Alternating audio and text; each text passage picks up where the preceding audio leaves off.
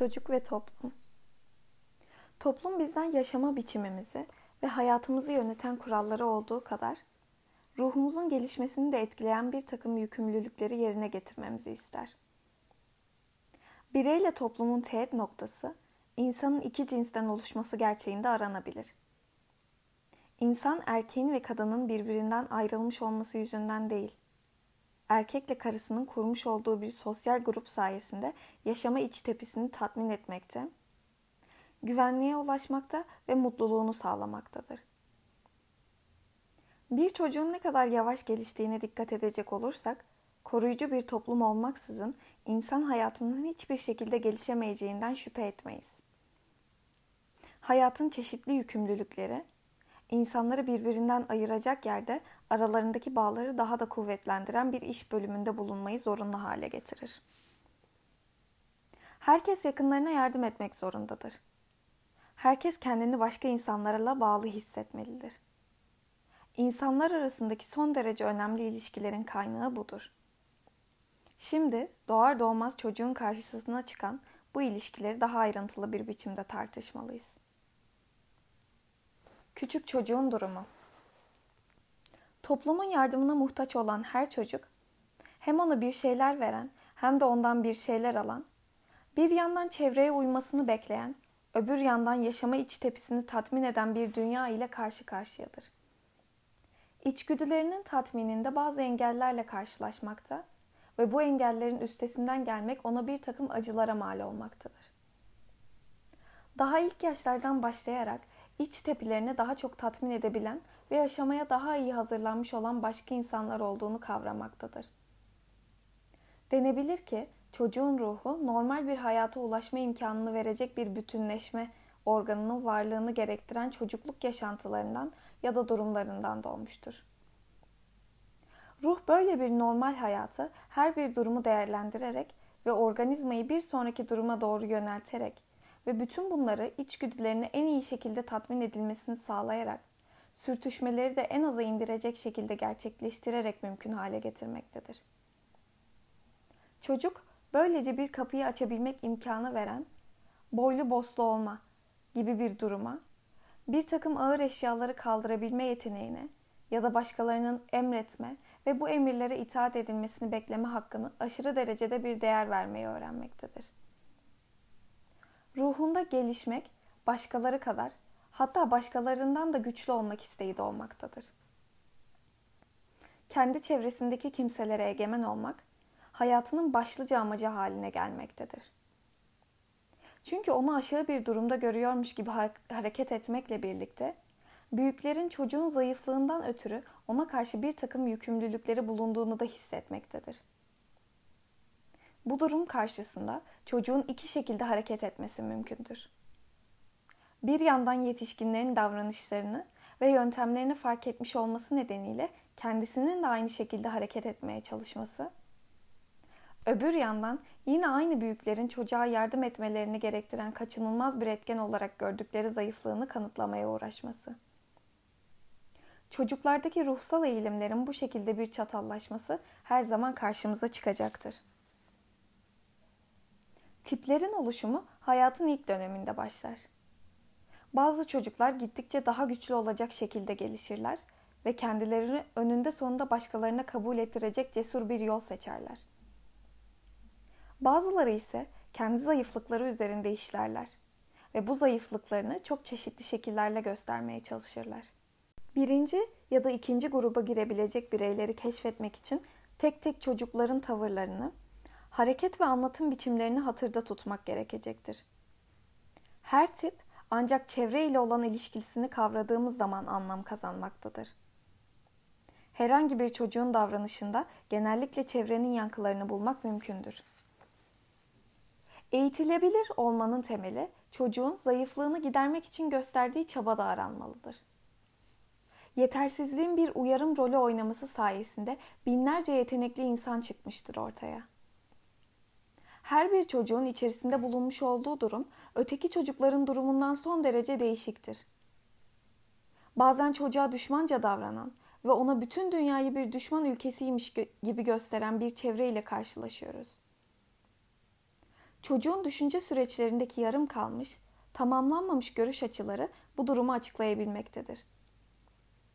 Eğer çocuğun eğitimi bu gibi bir hatayı önleyemezse, o çocuğun ruhu o şekilde gelişir ki daha sonraki yıllarda çocuk her zaman sanki dünya gerçekten bir düşman ülkesiymiş gibi hareket etmeye başlar ve hayatta daha büyük güçlüklerle karşılaştığı andan bu yana bu düşmanlık izlenimi daha da artar.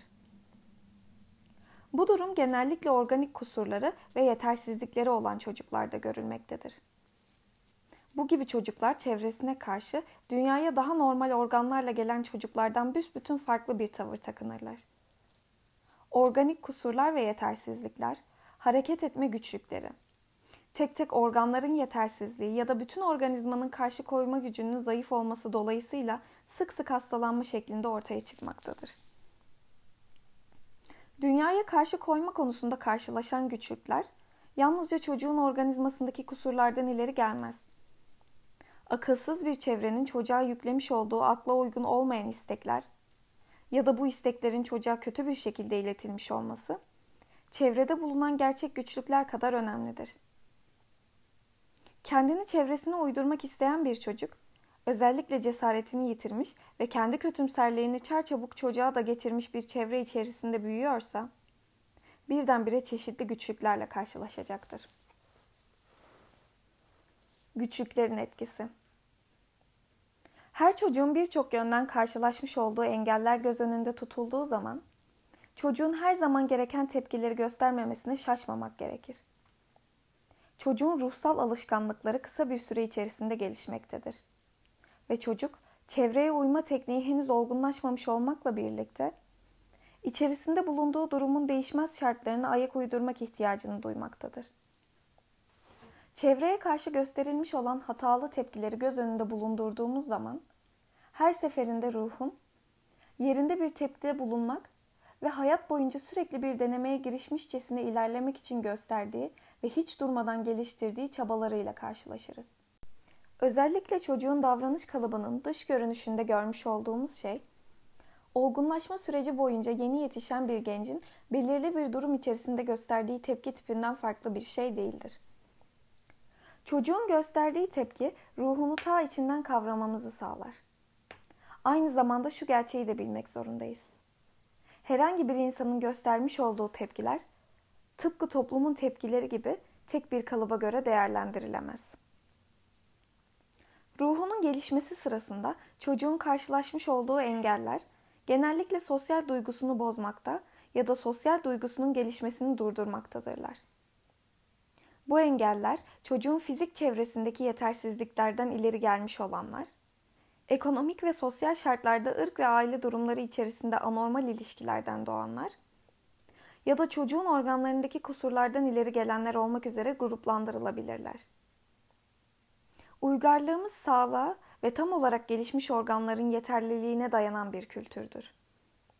Bu bakımdan önemli organları kusurlu olan bir çocuk, hayatta karşılaşmış olduğu problemleri çözme konusunda elverişsiz bir durumda bulunmaktadır. Yürümeyi geç öğrenmiş olan ya da herhangi bir şekilde hareket etme güçlüğü çeken, geç konuşan, beyin faaliyetinin gelişmesi normal bir çocuğunkinden daha uzun sürdüğü için uzun bir süre beceriksiz ve hantal bir biçimde davranan çocuklar bu gruba girerler. Bu gibi çocukların nasıl hiç durmadan oraya buraya çarptıklarını, ne kadar beceriksiz ve hantal olduklarını, ne çok maddi ve manevi acılarla karşılaştıklarını hep biliriz. Kendilerine uygun olmayan bir dünya ile yumuşak bir ilişki kuramadıklarına hiç şüphe yoktur. Bu gibi yetersiz bir gelişmeden ileri gelen sayısız güçlükler vardır. Şüphesiz zamanla herhangi bir yara izi kalmaksızın kendiliğinden bir telafi imkanı her zaman için söz konusudur. Şu şarttaki ruhsal ihtiyacın acı şiddeti yüzünden çocuk bu süre içerisinde daha sonraki hayatında etkisini duyacağı bir umutsuzluk tavrını benimsememiş olsun. Böyle bir durum ekonomik güçsüzlüğün işe karışması ile daha da karmaşık bir hal alabilir. Kusurlu olarak dünyaya gelmiş olan çocukların insan toplumunun değişmez yasalarını iyice kavrayamamalarını anlamak güç değildir. Bu gibi çocuklar karşılarına çıkan fırsatlara güvensizlik ve kuşkuyla bakarlar. Toplumdan ayrılmak yalnız başlarına yaşamak ve görevlerinden kaçmak eğilimini gösterirler. Hayatın düşmanlığını olağanüstü keskin bir biçimde hissederler ve fark etmeksizin bu duygularını abartırlar. Hayatın parlak yanlarından çok acı yanlarını görürler. Çoğu zaman her ikisine de gerektiğinden çok önem verirler ve bu yüzden hayatları boyunca kavgacı bir tavır takınırlar. Kendilerine olağanüstü bir dikkat gösterilsin isterler ve şüphesiz başkalarından çok kendilerini düşünürler. Hayatın gerekli yükümlülüklerini bir uyarım olarak görecek yerde güçlük olarak görürler.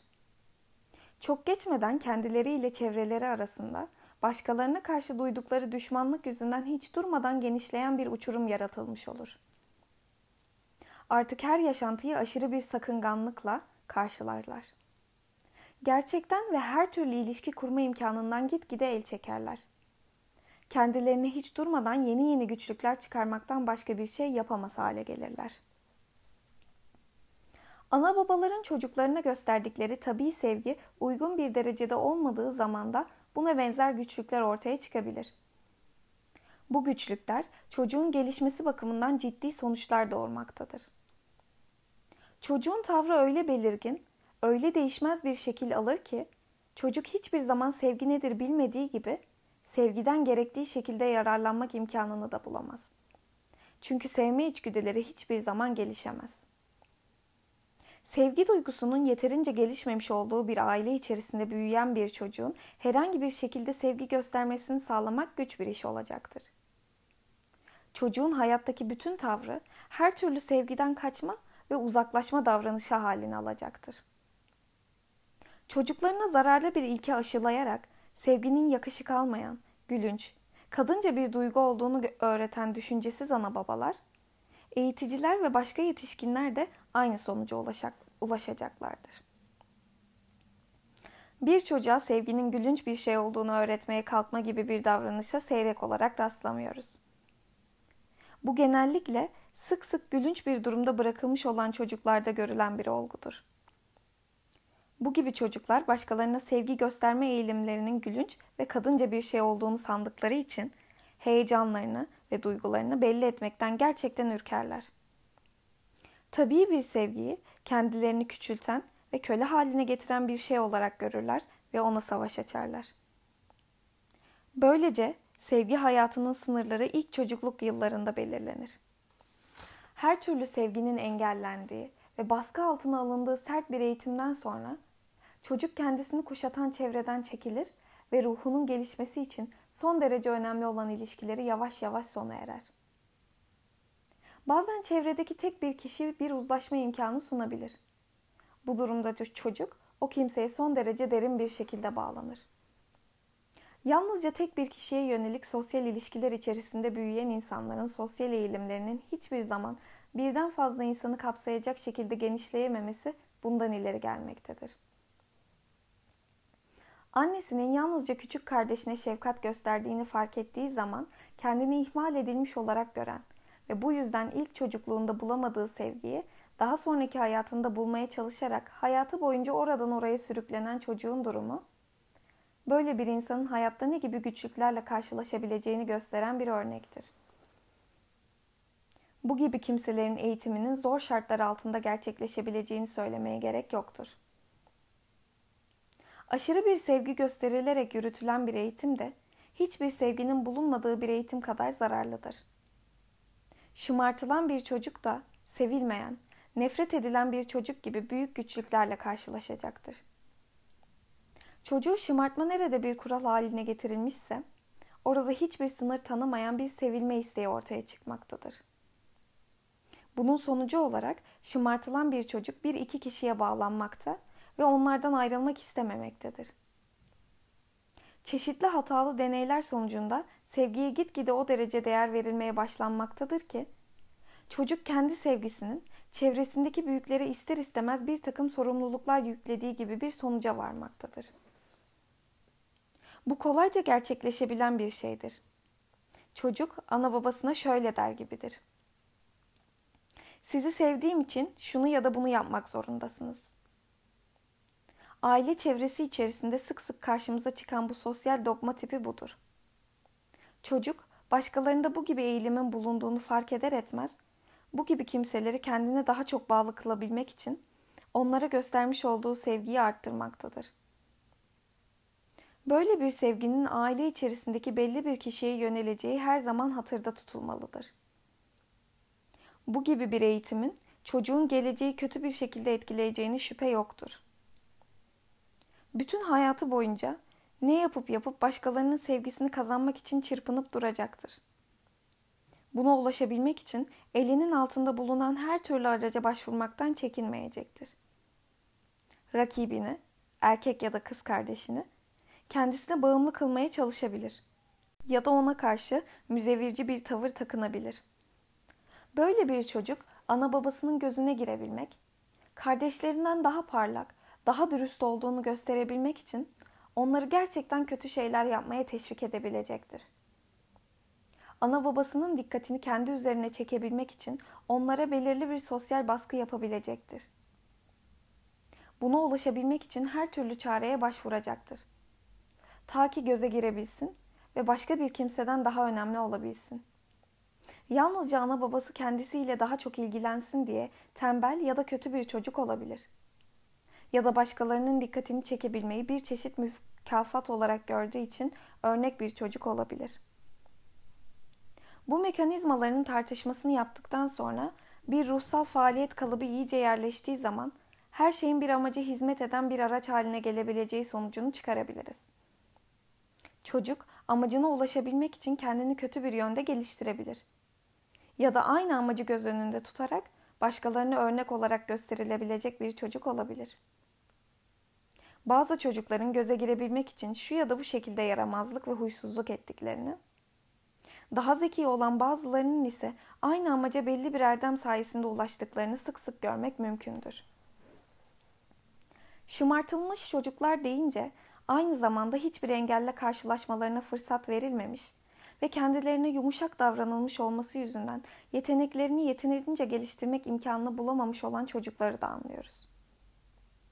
Bu gibi çocuklar gelecek hayat için o derece önemli olan hazırlıkları yapma imkanını hiçbir zaman bulamazlar. Kendilerine yaklaşmak isteyen bir kimseyle ilişki kuracak şekilde hazırlanmamışlardır kendi çocukluklarındaki hatalar ve güçlükler yüzünden insanlarla ilişki kurmada bir takım pürüzler çıkaran kimselerle ise şüphesiz hiç ilişki kuramazlar. Bu çocuklar hayata hiç de hazırlıklı değildirler. Çünkü güçlükleri yenme alışkanlığını edinmek için hiçbir fırsat geçmemiştir ellerine. Kendi evlerinin dar çevresindeki o limonluk gibi ortamdan dışarıya adımlarını atar atmaz ister istemez bir takım başarısızlıklarla karşılaşmaktadırlar. Çünkü dışarıda görevleri ve sorumlulukları, kendilerini şımartmış olan eğiticilerden bekledikleri şekilde ve alışmış oldukları ölçüde yüklenmek isteyecek bir kimseyi bulmakta güçlük çekmektedirler. Bu çeşit olayların hepsinde ortak olan şey, bu eğiticilerin çocuğu az çok başkalarından ayırmaları, yani yalnızlığa sürüklemiş olmalarıdır. Sindirim sistemleri bozuk olan çocuklar beslenmeye karşı özel bir tavır takınırlar ve bunun sonucu olarak da bu konuda normal olan çocuklardan büsbütün farklı bir şekilde gelişirler. Organları kusurlu ya da yetersiz olan çocukların kendilerini önünde sonunda yalnızlığa sürükleyecek özel bir yaşama biçimleri vardır. Çevre ile ilişkilerini açık ve seçik olarak anlayamayan ve çevreden gerçekten kaçmaya çalışan çocuklar da vardır. Bunlar kendilerine bir arkadaş bulamazlar arkadaşlarının oyunlarına katılamazlar. Ya da onları haset ederler ya da kendi yaşıtlarının oynadıkları oyunları küçümserler. Zamanlarını bir yere kapanarak kendilerine özgü oyunlar oynamakla geçirirler. Çok sıkı bir eğitimin baskısı altında büyümüş olan çocuklar da aynı şekilde yalnızlık tehlikesiyle karşılaşmaktadırlar. Bu gibi çocuklar hayatın güzel yanlarını göremezler. Çünkü her an kötü bir şeyler olmasını beklerler. Ya da her türlü güçlüğe dayanmak ve acılarını alçak gönüllülükle katlanmak zorunda olduklarını hissederler. Ya da her zaman düşman olarak gördükleri bir çevre ile kahramanca savaşmaya hazırlanırlar. Hayatı ve hayatın gerektirdiği görevleri son derece güç bulurlar. Böyle bir çocuğun herhangi bir başarısızlıktan ötürü acı çekmemek için çoğunlukla kendi içine kapanacağını kestirmek güç değildir. Bu gibi çocukların dış dünyayı hep kendilerine düşman olarak göreceklerini bekleyebiliriz. Aşırı bir sakınganlığın sıkıntısı içerisinde ortaya çıkabilecek herhangi bir başarısızlığın tehlikeleriyle karşılaşmaktansa bütün büyük güçlüklerden kaçma eğilimini benimseyeceklerdir.